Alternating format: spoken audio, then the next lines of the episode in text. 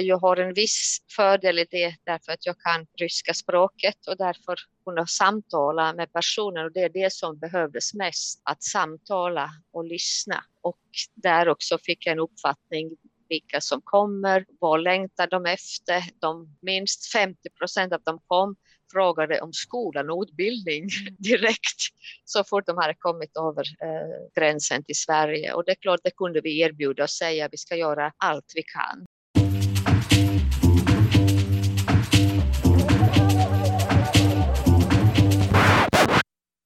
Hej och välkomna till Folkbildningspodden som görs av tankesmedjan Arena Idé. Folkbildningspodden kommer ut varannan onsdag och går att lyssna på där poddar finns. Jag heter Ola Bull Larsson och är folkbildningsansvarig på Tankesmedjan.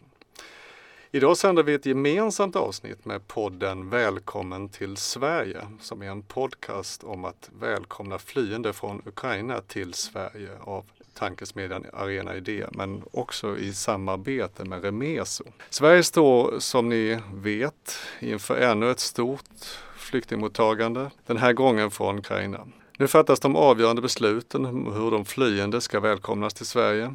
Podden Välkommen till Sverige samlar erfarenhet och kunskap om flyktingmottagande och integration från aktörer i alla delar av samhället. Från akademin till aktivister. I dagens avsnitt ska vi prata om folkbildningens roll vid eh, flyktingmottagandet. Vad innebär massflyktsdirektivet? Till exempel att de som nu kommer inte har rätt till SFI. Med oss har vi Agita Martinsson, rektor på Litorina folkhögskola i Karlskrona och Therese Andersson från Folkuniversitetet i Stockholm, som båda på lite olika sätt är engagerade i folkbildningens arbete med ukrainska flyktingar. Välkomna! Tack så mycket! Tack! Vi kommer också idag jämföra med folkbildningens flyktingmottagande på senare år. Agrit, du har lite vit blus på dig sådär, men inte helvitt. Ja. Men du har haft vita kläder på dig rätt mycket de senaste veckorna, ja. har jag hört. Varför? Absolut. Ja, jag vet också. Det, det blev bara slum. Ja, allt som startade så började i Ukraina gjorde väldigt mycket ont i mig att sånt ska hända 2022. Och där vita färgen är ju förenat med fred. Vita duvor och kläder och olika länder har manifesterat med vit färg på med mera. Och det, det blev väl min spontana individuella manifestation mm. för fred. Och så har jag försökt hålla mig någon detalj vitt så länge det behövs. Är ju rektor på Litorina folkhögskola. Vad är det för en, jag sa Karlskrona, men vad är er profil och varför, varför ert engagemang? Ja, profilen för Litorina folkhögskola är Östersjöprofil, det vill säga vi utvecklar vår egen kunskap om länderna runt Östersjön. Vi reser mycket, vi har olika projekt, vi har gäststudenter, personalen och styrelsen åker på fortbildningar, vi tar emot praktikanter och klart vi också eh, erbjuder allmänhet till utveckling av allmänbildning om länderna runt Östersjön. Att just nu har vi en föreläsning om NATO i Litorina Aula eh, där vi inbjuder allmänheten att vara med och diskutera. Att vi följer valet. Vi, ja, det är, det är Litorinas profil, att arbeta med ukrainare. Ukraina är ju precis det vi ska göra, fast helst inte på grund av krig. Men ni, blev, ni, fick, ni fick lite, man har kunnat läsa om er i uh, media uh, efter krigsutbrottet och så. Varför har vi kunnat, vad har vi kunnat läsa där? Ja, det uh, av, av ren mänsklighet. vi var ute till färjan som kom från Polen in till eh, verket i Karlskrona. Jag har varit där också flera gånger med mina barn och barnbarn på morgonen och kvällen bemöta ukrainska flyktingar och erbjuda det som vi kan erbjuda där på plats från kläder till mat men i första hand bemöta. Eh, jag har en viss fördel i det därför att jag kan ryska språket och därför kunna samtala med personer och det är det som behövdes mest, att samtala och lyssna. Och där också fick jag en uppfattning vilka som kommer, vad längtar de efter. De, minst 50 procent av dem kom frågade om skolan och utbildning mm. direkt så fort de hade kommit över eh, gränsen till Sverige. Och det är klart, det kunde vi erbjuda och säga att vi ska göra allt vi kan mm. eh, för att erbjuda något i utbildningsväsendet. För att eh, anta ett eh, helikopterperspektiv på, på situationen kring de ukrainska flyktingarna i Sverige så tar vi oss tillbaka i slutet av mars och början av april för då skrev Folkbildningsrådet så här. Ändringar som träder i kraft den 11 april innebär ett förtydligande att statsbidraget kan användas användas även till verksamhet för personer som har beviljats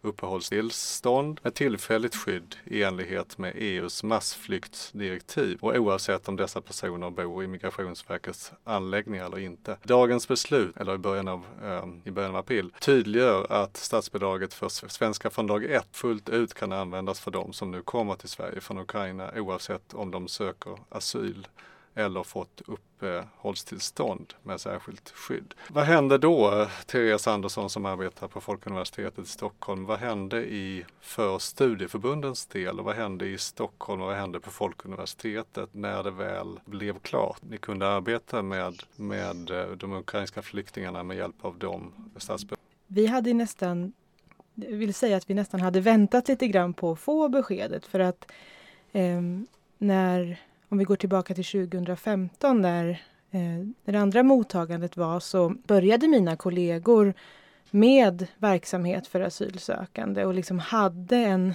en upparbetad rutin, hur hemskt det än låter. Liksom det fanns ganska färdigt eh, liksom metod att använda sig av. Eh, så när vi fick beskedet att det är okej att köra, då var vi snabba igång faktiskt. Nu talar jag för Folkuniversitetet i Stockholm då, men de första kurserna började 28 och 29 mars för asylsökande från Ukraina då.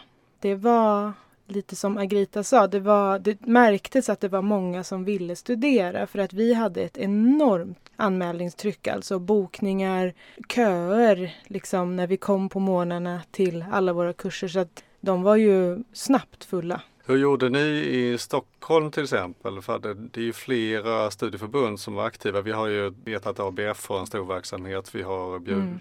Studieförbundet i Vuxenskolan skulle varit med här men, men tappade tyvärr rösten. Ah. Så att eh, det är de tre mm. studieförbunden som är kanske störst i Stockholm när det gäller just den här verksamheten. Var ni tvungna att samordna er på något sätt eller hur, eh, hur gick samordningen till? Bara skedde det automatiskt? Både och. Vi har ju Stockholms läns bildningsförbund som en liksom, intresseorganisation och också där som fungerar som en informationsspridare och en samordnare. Så att vi har alltid eh, möten, alla som har asylverksamhet. Vi träffas regelbundet för att just se på vilka sätt kan vi samverka, på vilka sätt kan vi stötta varandra. Men det blev ju ännu mer angeläget nu då, givetvis när trycket blev så högt. Så vi har träffats och försökt liksom se var vi kan hjälpa varandra kan vi erbjuda så att det breddar möjligheten istället för att alla har samma tid till exempel? Kan vi sprida ut det på olika tider och dagar och så? Fanns det någonting nationellt som samordnades? Ja, eh, faktiskt mer än lokalt. Sen gick det ju ut, alltså Folkuniversitetet nationellt hade regelbundna utskick och så, men förutsättningarna ser ganska olika ut även inom Folkuniversitetet i olika delar av landet också. Om vi håller oss kvar lite grann på en övergripande plan så, så äh, Agita, äh, Eh, Svenska från dag ett är också möjligt för folkhögskolan att engagera sig i. Hur såg det ut för er? Ja, eh, ja vi tittar inte på den siffran i första hand. Vi, vi har ju Svenska från dag ett, ett antal beviljade deltagarveckor, men det bedömde ju att det kommer vi att avveckla snabbt med det här trycket eh, mm. som, som kom in till skolan. Att vi satte igång en kurs, en heltidskurs Eh, Eh, som fylldes på momentalt kan man säga. Att eh, vi började, vi anställde en lärare från Ukraina som en av våra eh, samarbetspartners och Lise som vi har eh, arbetat ihop sedan tidigare. Och hon var en av de flyktingarna som kom till Stockholm tillsammans med sin syster och sen flyttade ner till Karlskrona som vi erbjöd henne heltidstjänst. Att det, var, det blev raketfart och personalen var 100 med att eh, vi gör det bästa av, av det vi kan. Och vi är ju lite vana också att arbeta med tidigare flyktingar. Jag brukar säga att jag är så gammal att det är tionde krig i, mm. för mig i Litorinas eh, karriär, det vill säga jag jobbar snart 30 år. Det, så ska det inte gå till, men så är det tyvärr. Vi öppnade kursen och startade och nu är det det som vi skriver till Folkbildningsrådet att eh, våra deltagarveckor gällande svenska från dag ett har förbrukade för länge sedan. Men vi arbetar på. Vårt koncept är tillsammans med andra kurser, att integrera oss i direkt, oss då menar jag ukrainare, eh, andra kurser, seniorer och allmän kurs och hantverkskurser och vi har haft flertal träffar för fred och vänskap i vårt Vittorinas trädgård. Andra föreningar har kommit och Stadsvärde har grillat för 200 människor och sånt. Vi skapat en, en familj direkt, inte separat ukrainare men allihopa. Det är mm. vårt sätt att leva och vårt, vårt sätt att, att studera.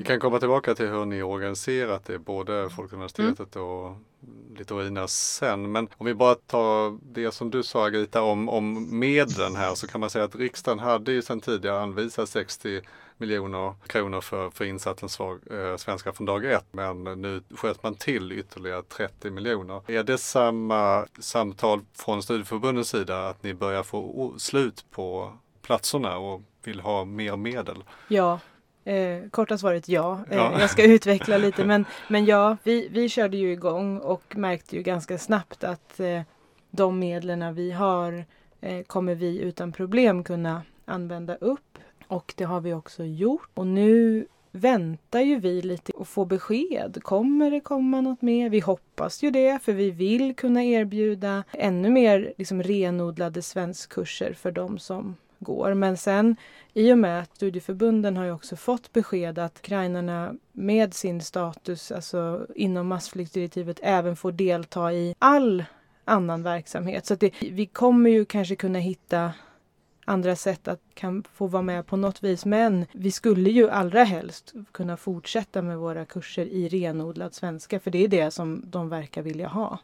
Och en del frågar efter engelska också faktiskt. Så all annan verksamhet utom SFI. Ja, ja, precis. Ja, mm. För det mm. finns ju också på en del folkhögskolor och studieförbund även om det inte är mm. den, det kanske vanligaste. Det finns ju Svenska från dag ett. Det finns något som heter vardagssvenska. vardagssvenska. Är det kvar? Vad är skillnaden mellan de två? Då skillnaden är att vardagssvenska är lite strikta, alltså där är det språkundervisning bara, svenska från dag ett det ska ju vara svenska men jag har förstått det som att det finns lite mer utrymme att ta ut svängarna. Och vi har använt oss i Stockholm av vardagssvenska primärt än så länge. Men vi kommer använda svenska från dag ett från och med slutet på maj här blir det väl. Och på folkhögskola så finns det som du nämnde en massa olika mm. kurser där ni är integrerade i, i mm. skolsamhället. Men, men om vi pratar just utifrån flyktingar eller uh, utrikesfödda så finns etableringsverksamhet, allmän kurs, yrkeskurs. Har ni fler former? Vi har ju kvällskurser också mm. som, som har möjlighet, de är ganska omfattande, så inom hantverket men även, även inom eh, Blekinge natur, vandringar med mera där också, historiska vandringar. Men vi måste komma upp till språknivå för, mm. för att vara med.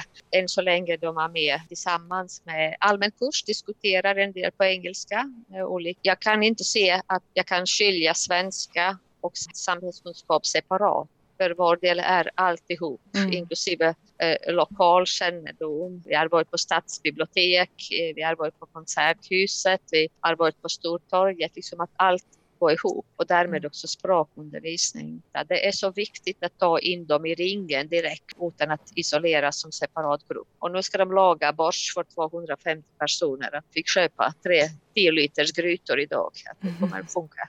Rödbetor alltså? Rödbetssoppa? Ja. Ja, härligt.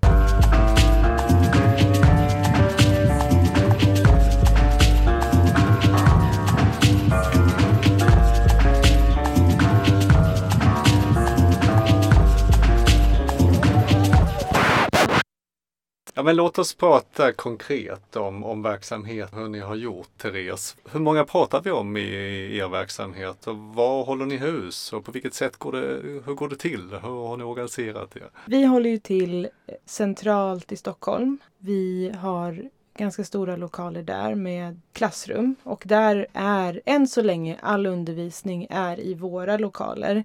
Sen har vi pratat om möjligheter att förlägga en del kurser på andra ställen. Vi har samarbete med folkhögskolor till exempel. Men just nu, än så länge ryms alla de kurser som är igång nu, då har vi, Folkuniversitetet i Stockholm, eh, 200 aktiva deltagare. Bara ukrainare eller personer som har flytt därifrån. Sen har ju vi alltså vår, nu säger jag ordinarie asylverksamhet, det är ju ännu fler då. Men än så länge inte kväll, men vi, vi funderar på det i och med att det är fler och fler som faktiskt har fått jobb.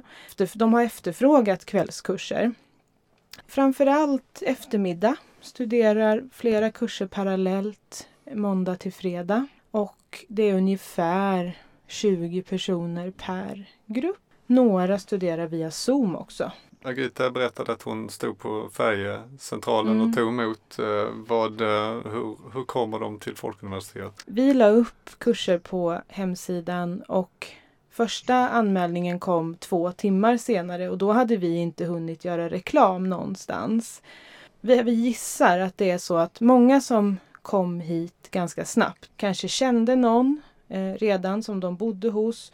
Folkuniversitetet är ju kända för sina språkkurser så att vi tror att det liksom gick den vägen. Eh, för sen fullkomligt exploderade anmälningarna. Så att, och vi tror det var någon som nämnde att de hade sett oss i någon Facebookgrupp, att det hade för ukrainska. Vi har faktiskt inte lagt en minut på marknadsföring. Vill du tillägga någonting där Gita när det gäller just hur eh, de ukrainska flyktingarna mm. hittade till er? Eh, någonting mer än det du redan har sagt? Det är ju också att vid färjeterminalen och sen vid mottagningen, det är många andra som blev inblandade som Rädda Korset och idrottsföreningen med mera och vi har ju haft samma samverkan under många år, att vi känner varandras verksamhet. Det var ju också en del som hade tipsat att, att folk från Ukraina får ringa eller mejla och fråga om vi, vi tänker starta kurser då har ukrainare studerande hos oss som är ingifta i Sverige som kom i, i fredlig tid och de tog emot sina vänner och bekanta också på det viset. Sen skrev vi texten på ukrainska och, och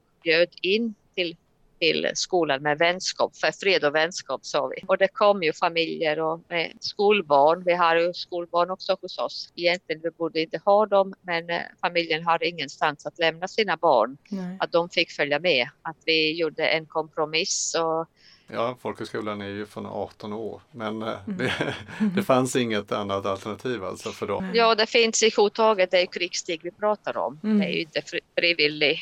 Barnen lämnade inte skolan frivilligt, inte deras föräldrar heller. Då tycker jag att vi kan hjälpa till lite grann utanför boxen också. På Folkuniversitetet, är det liksom homogent eh, när det gäller den ukrainska bakgrunden? Jo, alltså vi har ju som princip och säkert alla oavsett, men att alla asylsökande är ju välkomna givetvis. Det fylldes på så snabbt så att vi har väl, det är några grupper där det kanske är någon asylsökande från något annat. Sen har vi ett par som har bott i Ukraina och jobbat men som har en annan nationalitet. Men de har ju också flytt och de, alltså Ukraina, så de omfattas ju av massflyktsdirektivet och får därmed gå. Birgitta, du var inne på att väldigt många av dem vill uh, utbildning direkt. Va, vad kan man mer säga om situation, vilka de är? Jag antar att det är mest kvinnor. Mm. Uh, det utgår vi från. Ja, uh, hos oss och, är det det i alla fall. Ja, hur tänker de om, om situationen i, just mm. nu? Vi, vi pratar ju mycket med, med våra vad säger, vänner. Det är flera här i huset som,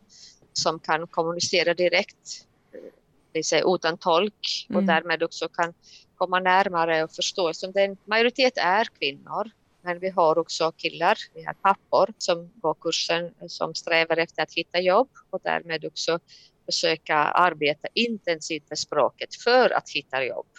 Mm. Och likadant eh, kvinnor, en del jobbar på distans mot Ukraina. De har sin undervisning mot ukrainska elever via Zoom. De går undan och undervisar mattelärare, engelska lärare. Eh, vi har OS-tränare i simning som är, som är hos oss som flydde från Ukraina. Att de försöker sköta sitt jobb också parallellt med tanken att återvända någon gång. De har eh, väldigt splittrad vision men samtidigt otroligt motiverade. Vi försöker med lite skoj och allvar inför en regel som vi har haft sedan många, många år tidigare när vi utbildade lettiska, estniska och litauiska kadetter. Det var uppdrag mm. mot försvaret. att efter en månad eh, fick de tala svenska och nu har ukrainare nått den gränsen att från 5 maj talar vi bara svenska. Okej, det var ord och inga visor. men, men vi gör det med leende ändå. Ja. Det funkar väldigt bra. För, för vad, om man går tillbaka till det som ni egentligen varit inne på lite grann, men just alltså syftet med en, den här typen av ja, Svenska för några från folkbildningens sida? Jag har sett det som en, en, en meningsfull tid. Situation, eller när det är ett krig så här väldigt påtagligt så är det ju en annan situation. Men oavsett att en meningsfull tid där man fördel att du faktiskt lär dig språket i det. Men också att det är så att du kommer ut, du kommer hemifrån, du får tänka på någonting annat. Det som jag ser som en viktig faktor är ju solidaritet. Det som ukrainare märker, vi har storsamlingar i aulan, den får de delta, de får välja musikstycke. Vi har haft samlingar i, i trädgården med allmänhet. De, de känner vi stödjer dem i hjärtat. Om vi inte kan göra mer konkret, då kan vi visa medkänsla, eh, vänskap. Eh, vi lyssnar, även om vi inte fokuserar på samtalet om kriget hela tiden. Men vi lyssnar vilka yrken de har jobbat med, vilka, vad har de rest, vad har deras barn gjort med mera, vad har de för drömmar. Och därmed blir en ensamhetsringen inte hinner stagnera. Det, det blir en tillsammans med oss i Sverige. De lär känna svenskar på ett helt annat sätt direkt från första dagen och uppskattar Sveriges solidaritet i bemötande av ukrainare och är väldigt tacksamma, väldigt överraskande. En annan syfte är att vi lär oss väldigt mycket om Ukraina alla studerande och personal och allmänhet som möter ukrainare om, om historiska byggnader, om, mm. om jordbruk, om tradition, om rika folkmusik. Att vi får jättemycket ut av det här. Ömsesidigt är det här. Det är inte bara att vi ger, vi får väldigt Finns det så rent pedagogiska utmaningar som speciella med den här gruppen? Jo då. och det är det här eviga frågan om vad är folkhögskola? Det vet vi. Det här frågan, vad är en folkhögskola? Vad är ni? Ni är så konstiga. Liksom det, det går folk från 18 till 85 och, och, och det är sån blandning. Och det, vi bygger båtar och vi lär språket och lär, lär finska och sen går vi på vandringskurser. Vad är det för konstig skolform? Att där får vi verkligen arbeta med. Och när vi gör planteringen i skolgården, de säger, ingår det också i undervisningen? Ja, det är lök och tulpaner och blomrabatt och lådor och väldigt mycket språk. Det vill säga samtalet om en demokratisk skolform när alla är välkomna oavsett bakgrund, nationalitet eller sexuell läggning och sånt är en viktig del i det här. Men det är dilemma och det måste vi ha samtal och det har vi nästan dagligen för att berätta och sen att de känner för vad folkhögskolan är. Men nu förstår de mer och mer att de har dem sagt anmält sig att laga ukrainsk borsch för 250 personer. Då har de förstått vad folkhögskolan är för något. Det. Men det här samtalet att vara en del av, att påverka, att kunna mm. påverka, komma med förslag vad det är vi kan göra. Eh, det är det vi jobbar med och det är vårt pedagogiska dilemma. Therese, om man tittar på Folkuniversitetet, känner du igen det här eller är det lite annorlunda? Lite annorlunda då. Vi har ju givetvis också en bredd. Och, alltså bara att vara i huset där vi håller till så ser det liksom någon som går fotokurs och någon ska gå och dreja och någon ska... Så att, som jag har upplevt och jag vet inte om det är för att vi heter universitetet, alltså Folkuniversitetet. Jag har fått en del frågor att så här, ja, kan jag få ett, ett, ett intyg? Gör, gör ni något svårt prov på slutet här eller sådär? Och där då försöka förklara, att, i alla fall hos oss, det kan ju se annorlunda ut mm. Andra om man kliver tillbaka lite grann till 2015 och den tiden kring, eh, kring framförallt Syrien och mm. Afghanistan och lite andra. Eh, kan man se någon skillnad där? Drog fördel av att ni har eh, haft den här verksamheten tidigare. Men... Mm. Samma utgångspunkt är att folk har flytt och därmed också har de med olika erfarenheter av flyttvägen och det är inte första man berättar om. sen upptäcker vi så småningom eller det uttrycks i olika former av kanske målningen eller, eller skrivning av en dikt när, när vi börjar uppfatta att det finns en stor sorg, en ont. Eh, det mm. har kanske funnits till och med övergrepp och allt annat. Att det kommer upp så småningom efter vi har skapat en tillit. Att det kan jag säga det är gemensamt för, för alla krig som jag sa tio som jag minns.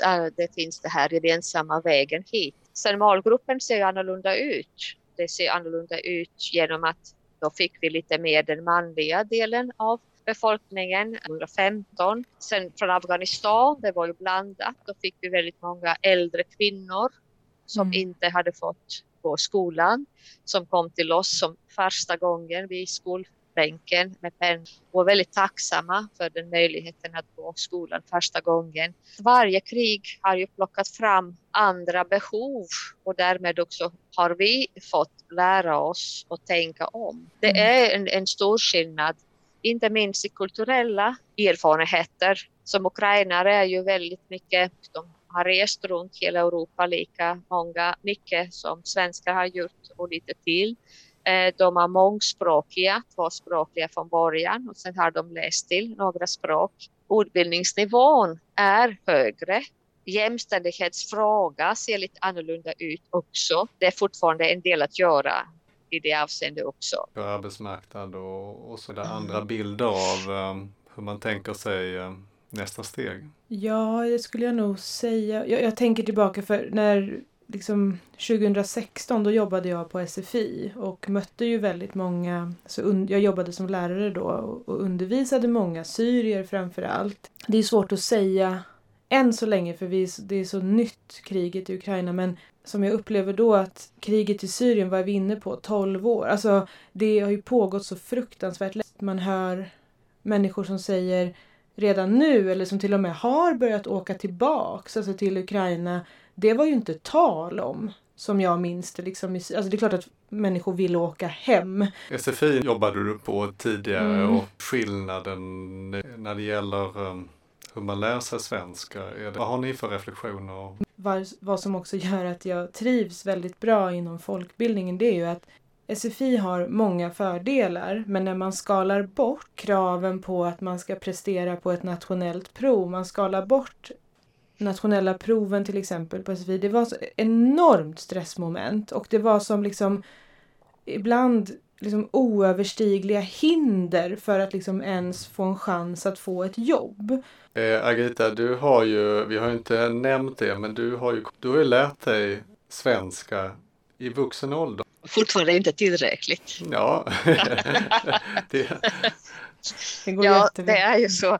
Jag kom ju, jag var 33 och då är man ganska mogen vuxen. Och då säger jag att tungan eh, rent fysiologiskt eh, har tränat in sig på språk eh, som är inte alls lik eh, svenska, trots att jag har lite andra språk med, med mig. Att det var en tuff kamp före 94, men han hade ju otroligt tur att sätta igång och för något sätt få en uppfattning om svenska språket. Att samma år fick jag jobb på Litorina också. Att det, mm. det, det gick ju ganska smidigt ändå.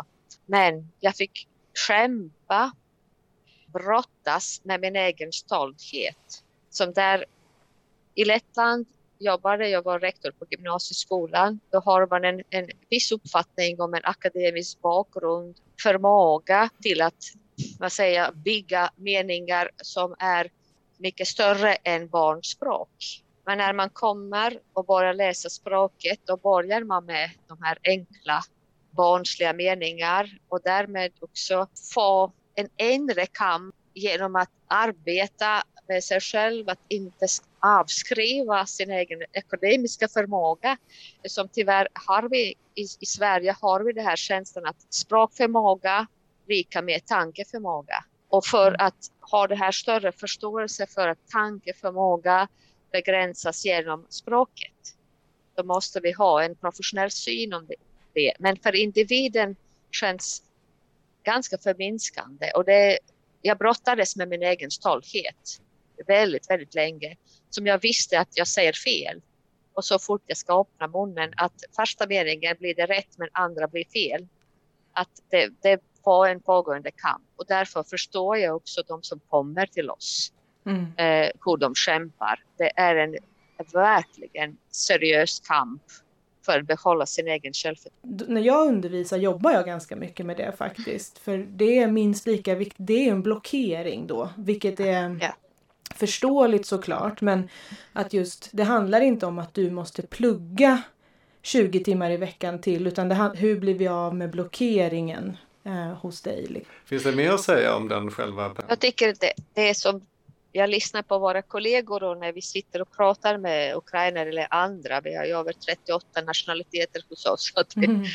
hela världen är på, på plats. Och det viktiga är att varje människa blir sedd. Mer komplicerad är det inte. Och sen inte utsättas för mer än den orkar. Ibland måste man backa, inte tvinga för och samtidigt inte släppa. Det är det här att man är som en bra bilförare Mm. Så ska vi vara liksom. Mm. Gasa i rätt tid, bromsa i rätt tid, svänga i rätt tid. Mm. Att eh, ungefär så är det att arbeta med människor också. Och stimulera och skapa glädje, det får man inte glömma. Att vi måste skapa oaser när ukrainare eller andra som kommer eh, till oss får blomma upp fullständigt. Att de mm. återfår sin gamla roll. Fem minuter eller 20 minuter men att de får andas och mm. de är där igen. Om det är sångare eller målare eller mattelärare eller vem, men att de känner att den rollen finns någonstans. Vi avskriver inte det. Att vi skapar de här möjligheterna, de kan vara den de är och sen får de språket på köp. Ja. Alltså, språket lär man inte under kort tid och det är svårt. Så man vill ju det. Mm. Man vill ju att det går snabbt och det går inte. Jag blev så inspirerad av studieförbundet Vuxenskolan då. Eh, för jag träffade dem i ett sammanhang här och då, de har ju liksom också startat studiecirklar där ukrainare själva är cirkelledare. Just för det som du säger nu att få hålla kvar. Men jag är ju väldigt bra på det här. Ja men då kan jag få leda en grupp i det parallellt jag kan också nämna i samband med det att det är verkligen svårt att prata om evidens i, i det här mm. mm. sammanhanget. Ja, ABF har det forskats på lite grann på den mm. verksamheten som, som man, äh, just de som gick svenska från dag ett 2015 och där har man tittat väldigt många, mycket på det som, som ni pratar om, eller framförallt det som du tar upp på Litorina, att väldigt mycket av den verksamheten från som spiller över på andra delar. Att, den liksom man sprider, att man, blir en, man, får en, man hittar hem i ett, ja. Eh, i ett folkbildningssammanhang, en mötesplats. Och att mm. man kan bli cirkelledare eller man kan komma vidare på andra sätt. Så den är um, en forskningsstudie från, eh, med Andreas Fejes och kompani från Linköping. Mm. Annars så finns det ju såklart väldigt lite. Det som finns är ju rapporter från Folkbildningsrådet som följer upp den här Svenska från dag ett under de senaste åren och där är det ju väldigt många av de sakerna som ni tar upp som, som fördelar med den här verksamheten lyfts ju. Även där framförallt det här med mening, hälsa i en, i en väldigt eh, pressad situation såklart. Man kan väl säga någonting eh, jämförelse när det gäller um, siffermässigt. Vi pratade om hur många, hur mycket pengar som gick. Vi pratade 90 miljoner nu och det är ju eh, inte ens hälften av vad som fanns 2016 kopplat till den här verksamheten. Så att mm vi får väl hoppas då mm. på, på mer pengar. Då var det ungefär 200 kommuner av alla Sveriges kommuner som hade verksamhet när det gäller studieförbunden och eh, jag tror att det var 60 folkhögskolor ungefär. Ja, 2018 är den här. TIA medel Tidiga, tidiga insatser för asylsökande, är det någonting som uh, ukrainska flyktingar Ja, det är det. I alla fall, jag vet inte om det är samma i hela Sverige, men Länsstyrelsen Stockholm har gått ut och sagt det att alla insatser inom TIA får även eh, ukrainare, alltså som omfattas av massflyktsdirektivet, ta del av och det var ju väldigt positivt. Ja, jag börjar lida mot sitt slut här och jag eh, tänker att ni kanske tycker att vi har missat något speciellt område kring den här verksamheten som vi eh, behöver ta upp. Ja, jag hade eh, velat ta upp det här eh, föreskrifter gällande svenska från dag ett. Eh, där stod det att eh, en individ kan ha en, ett antal månader studier beviljade på en folkhögskola, alltså begränsad tid. Jag har väldigt svårt att hitta en argument varför eh, finns det här begränsande, begränsade tiden för inom svenska från dag ett. Om allt annat är individanpassat, det borde vara individanpassat även för flyktingar. Att det föreslår jag att någon tar upp det och verkligen undersöker varför finns det sex månader? Vad är det för begränsningar? Vad som kommer hända sen då? Med de som söker och vill verkligen studera vidare. Den andra är att samhället som sådant är, har ju väldigt stora resurser att, att både nu kan jag prata bara om, om folkhögskola, det, det, det är det enda som jag kan prata om. Mm. att man drar in hjälp och tar emot hjälp av föreningar och samhället runt. Som det blir för tungt om bara en institution försöker göra en insats. Men tillsammans kan man göra mycket, mycket bättre. Och det, det är min tips till alla, att det finns möjlighet att organisera och på det viset stödja oavsett om det är Ukraina eller någon annan som kommer till, till Sverige. Att, eh, det, det, behöver vi för att demokratisera själva processen. Som det finns samhällsgrupper som inte tycker om det. Eh, det uttalas till och med väldigt negativt på sociala medier även om ukrainare. Och det får vi uppmärksamma också och arbeta, arbeta mot, det vill säga lär, ge samhället möjligheter att lära känna människor som kommer till Sverige och därmed också minska där önskan att replikera och beskriva det som är oönskad. Jag tackar för att ni har kommit hit till Arena Idé och ni som lyssnar och fortsätter hoppas jag lyssna på Folkbildningspodden och välkommen till Sverige. På återhörande. Idag.